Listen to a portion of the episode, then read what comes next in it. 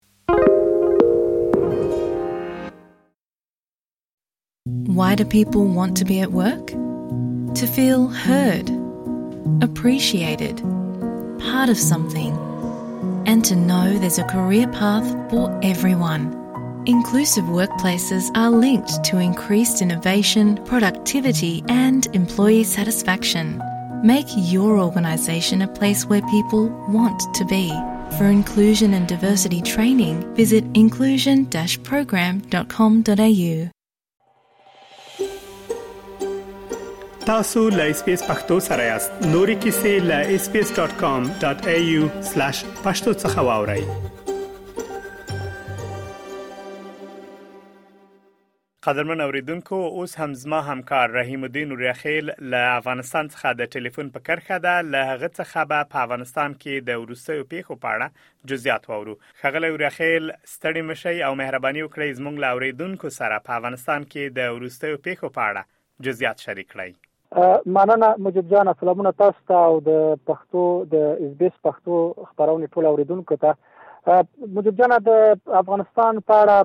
د تاجکستان په پلازمینه د شنبه کې د هرات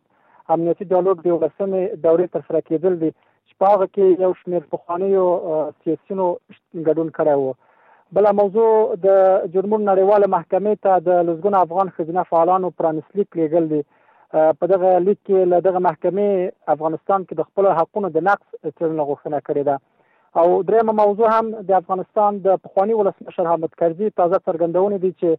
نړیواله ټولنه یې غوښتي چې په زوره د طالبانو د لنډمهاله حکومت د لاره کولو په لټه کې ونه اوسي څلورمه موضوع هم د افغانستان د خزینه خبریالانو بنسټ تازه منځنی چې پاغه کې ویل شوی پر رسنیو کې د خزینه خبریالانو حضور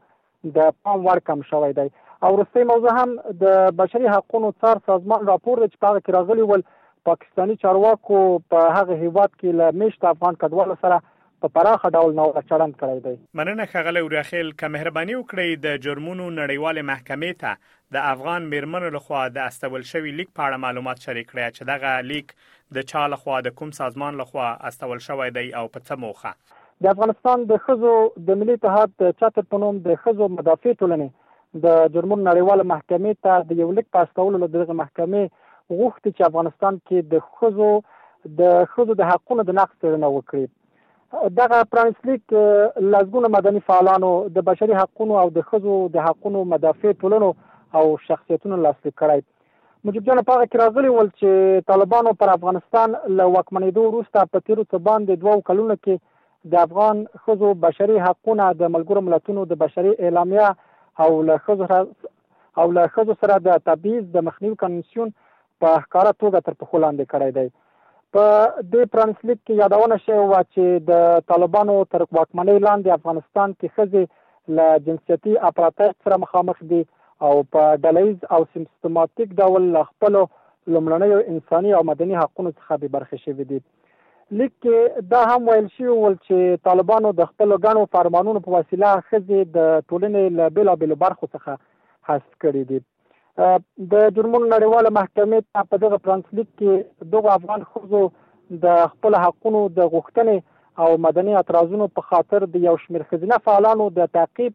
شکنجه د هغوی د بندي کولو او ورکولو د خزو د سولایز اعتراضونو پر وړاندې د تاوتریخوالي د طالبانو لخوا د اعتراضونو د جرم ګڼلو او لارینونو د ځپلو یادونه هم کړې وله مدیرجان د افغانستان د خزو د ملي اتحاد د چتر فعالانې داسې مهال د جرمونو نړیواله محکمې ته د طالبانو د حکومت پر ضد شکایت کوي چې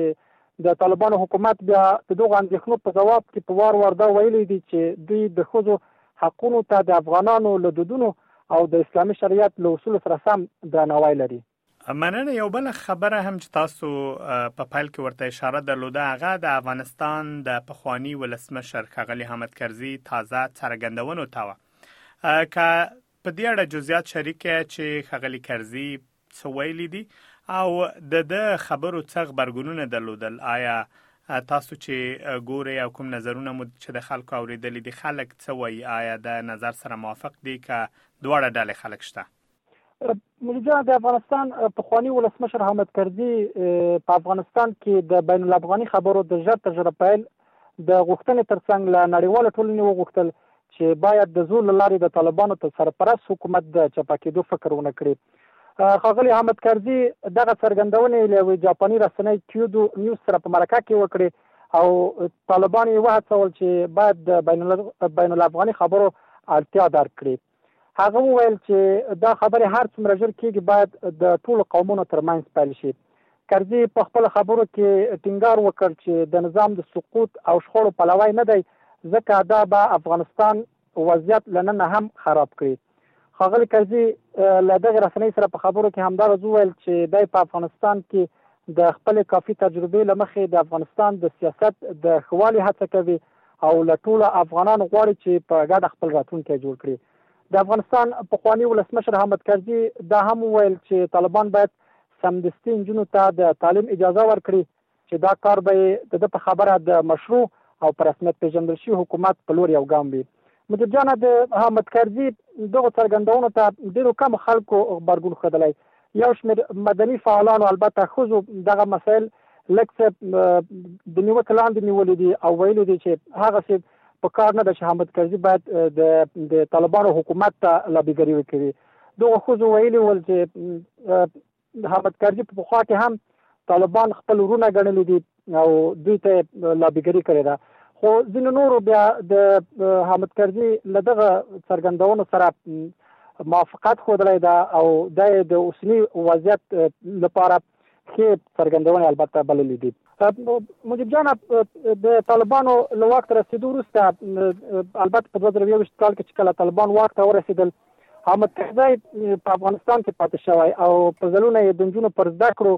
او کار د بندیز په اړه د طالبانو پر ځینو پریکړو انتقادونه کړي دي ښاغلی وریاخیل لکه څرنګه چې له تیرو څو اونۍ راهیسې له پاکستان څخه د افغان کډوالو د ویستلو لړۍ پیل شوې ده او تاسو د مرکې په پیل کې د بشري حقوقو څار سازمان راپور ته اشاره درلوده چې په پاکستان کې له افغان کډوالو سره د چلند په اړه خبر کړی دی مهرباني وکړئ په دې اړه هم جزئیات زموږ له اورېدونکو سره شریک کړئ. د بشري حقونو د څار ساز... نړیوال سازمان یا هیومن رایټس په خپل راپور کې چې پرون البته د چهارشنبې په ورځ خپور کړ وویل پاکستاني پولیسو د افغان کډوالو د جبري ایستلو په برخه کې له هغوی سره په پراخه کچه زور زیاتی کړی دی. په دغه راپور کې راغلي ول، پاکستاني پولیسو د دې لپاره چې له خپلې خاورې د افغان کډوالو د ایستلو بهیر چټک کړي، د افغانانو خلاف په زور زیاتي کې له هېڅ راز فشارونو ډډه نه ده کړې. راپور کې ویل شوي ول، پاکستاني پولیسو افغان کډوال نیولي، ځورولي، بندیان کړي او حتی له ښځو یې د هغوی کاڼي اخیستي دي. مجیب جانه، د بشري حقونو د څار نړیوال سازمان راپور کې دا هم ویل شوي ول، چې داسې راپورونه یې ترلاسه کړي چې یو شمېر پناه غوښتونکې مېرمنې په جنسي ډول ځورول شوي هم دي. دغه نړیوال سازمان بیا د پاکستان له حکومته غوښتي ول چې د پولیسو لخوا له کډوالو سره ناوړه چلند پای ته ورسوي او هغو افغانانو له ستنولو لاس واخلي چې د دوی په باور افغانستان کې ژوند له خطر سره مخ دی. دوی په خپل راپور کې دا هم دا هم غوښتلي ول چې پاکستان د افغان کډوالو استل ودروي او د ملګرو ملتونو د کډوالو له عالی کمشنرۍ سره د یو ځای د پناه غوښتونکو نوملیکنه پیل کړي مجید جان لکه څنګه چې تاسو مخکې هم ورته اشاره وکوله پاکستان له تیر یوې میاشتې را پدې خو له هغه هیواده د څه باندې ولس لکه به اسناد افغانانو استلو لړۍ پل کړي او چارواکي دا ټینګار کړی چې دغه بهیر به د یوې بل میاشت په موده کې بشپړ کړي